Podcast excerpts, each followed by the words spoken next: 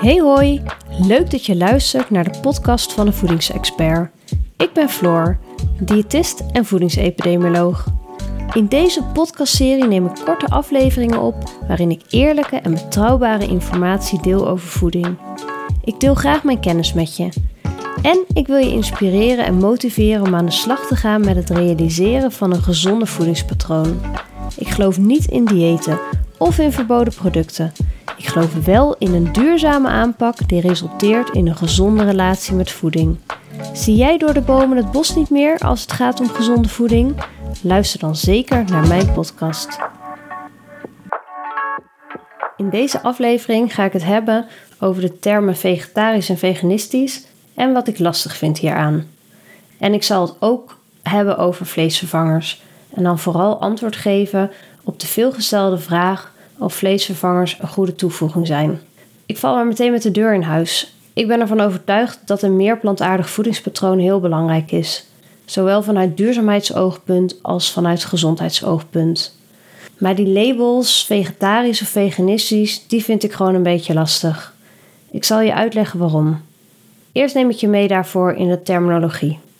Mensen zeggen vaak: ik ben vegetariër of ik eet vegetarisch. Maar wat betekent dat dan eigenlijk? Ik zocht het op op vandalen.nl. Een vegetariër is iemand die geen vlees of vis eet. Maar toen ik daar ook het woord vegetarisch opzocht, vond ik alleen zonder vlees. En dat is precies de verwarring die er vaak is. Wat eet je precies niet wanneer je vegetariër bent? De Vegetariërsbond is er veel uitgebreider over. Een vegetariër is volgens hen iemand die geen vlees en vis eet, maar wel zuivel en eieren. Als je alleen geen vlees eet, maar de rest wel, dan ben je officieel een pescotariër. Dan heb je ook nog een lactovegetariër. Dat is iemand die geen vlees, geen vis en geen eieren eet, maar wel zuivel. En dan is er nog één, een ovo-vegetariër. Diegene eet geen vlees, geen vis, geen zuivel, maar wel eieren. En dan hebben we natuurlijk ook nog de veganisten. Veganisten eten helemaal geen dierlijke producten, dus ook geen honing bijvoorbeeld, en ze dragen vaak geen leer of wol. Maar toch ken ik heel veel mensen die zichzelf veganist noemen, maar wel leer of wol dragen. Kortom, die termen die leiden nogal tot wat verwarring. Daarbij vind ik het zelf niet prettig om zo'n label op mezelf te moeten plakken. Ik krijg regelmatig de vraag of ik vegetariër ben. Mijn antwoord is nee. Ik ben geen vegetariër. Maar ik ben wel overtuigd van de noodzaak van een overwegend plantaardig voedingspatroon. Ik ben me heel erg bewust van duurzaamheid, van dierenleed. En eet ik veel vlees? Nee, heel erg weinig. Geef ik mezelf als ik met mijn werk uit eten ga op als vegetariër? Ja, altijd. Ik doe dat vooral vanuit idealistisch oogpunt. Maar weet je, als ik een keer stampot boerenkool eet, vind ik het echt heel erg lekker om daar een stukje rookworst bij te eten. Ik weeg mijn keuzes altijd zorgvuldig af. Ik koop een biologische rookworst en ik eet niet te veel. En weet je, ik eet eigenlijk ook heel graag vleeswaren op brood. Ik doe het weinig uit idealisme, maar ik doe het wel zo af en toe. En die vrijheid, die wil ik ook gewoon hebben. Ik hoef het van mezelf niet perfect te doen. Want als ik het 100% perfect zou doen, zou dat dan echt heel veel verschil maken? Kijk, ik ben voedingsepidemioloog. Dat betekent dat ik onderzoek doe met hele grote groepen mensen. Dus ik denk bij veel kwesties snel in grote groepen. Als we allemaal minder vlees zouden gaan eten, dan gaan we veel meer impact maken dan wanneer een paar mensen helemaal geen vlees zouden eten. Of ik zo af en toe een stukje vlees eet of dat nooit meer zou doen, dat maakt het er totaal weinig uit.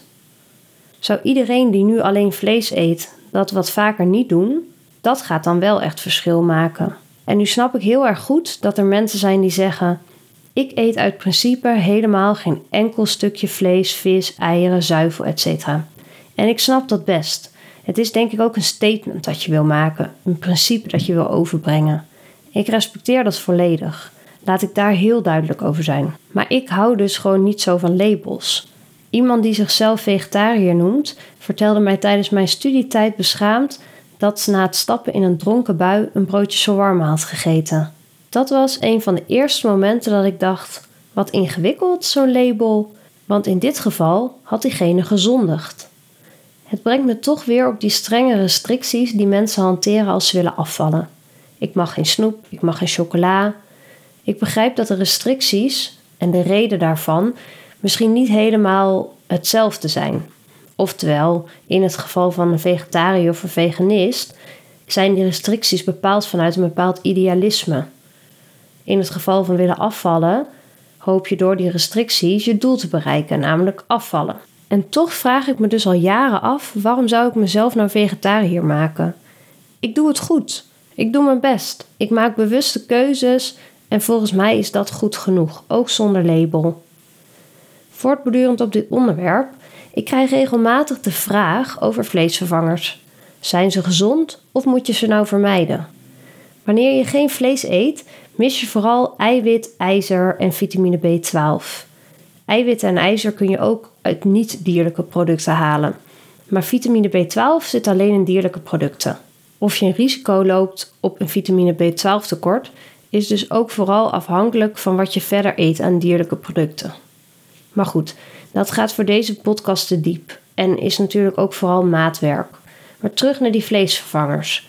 Met een vleesvervangers bedoel ik dan de kant-en-klare vleesvervangers.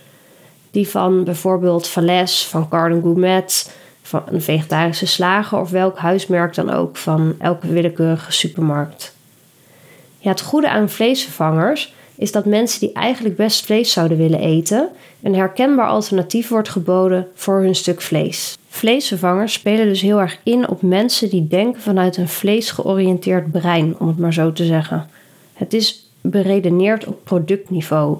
Je wil je stukje vlees vervangen, dus je eet een vegetarische worst of een vegetarische hamburger bijvoorbeeld. Vanuit de vegetariërs of de veganisten wordt regelmatig gezegd: ik wil geen worst, dus ik wil ook geen vegaworst.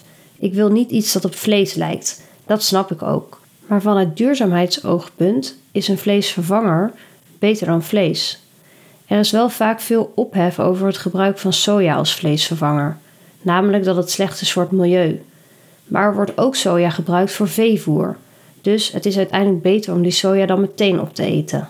Maar goed, gezondheid en kant-en-klare vleesvervangers. Wanneer je ze vergelijkt met vlees, is het een simpele manier om je stuk vlees te vervangen met een vleesvervanger qua voedingsstoffen want ze bevatten meestal voldoende eiwitten en ze zijn verrijkt met onder andere ijzer en vitamine B12.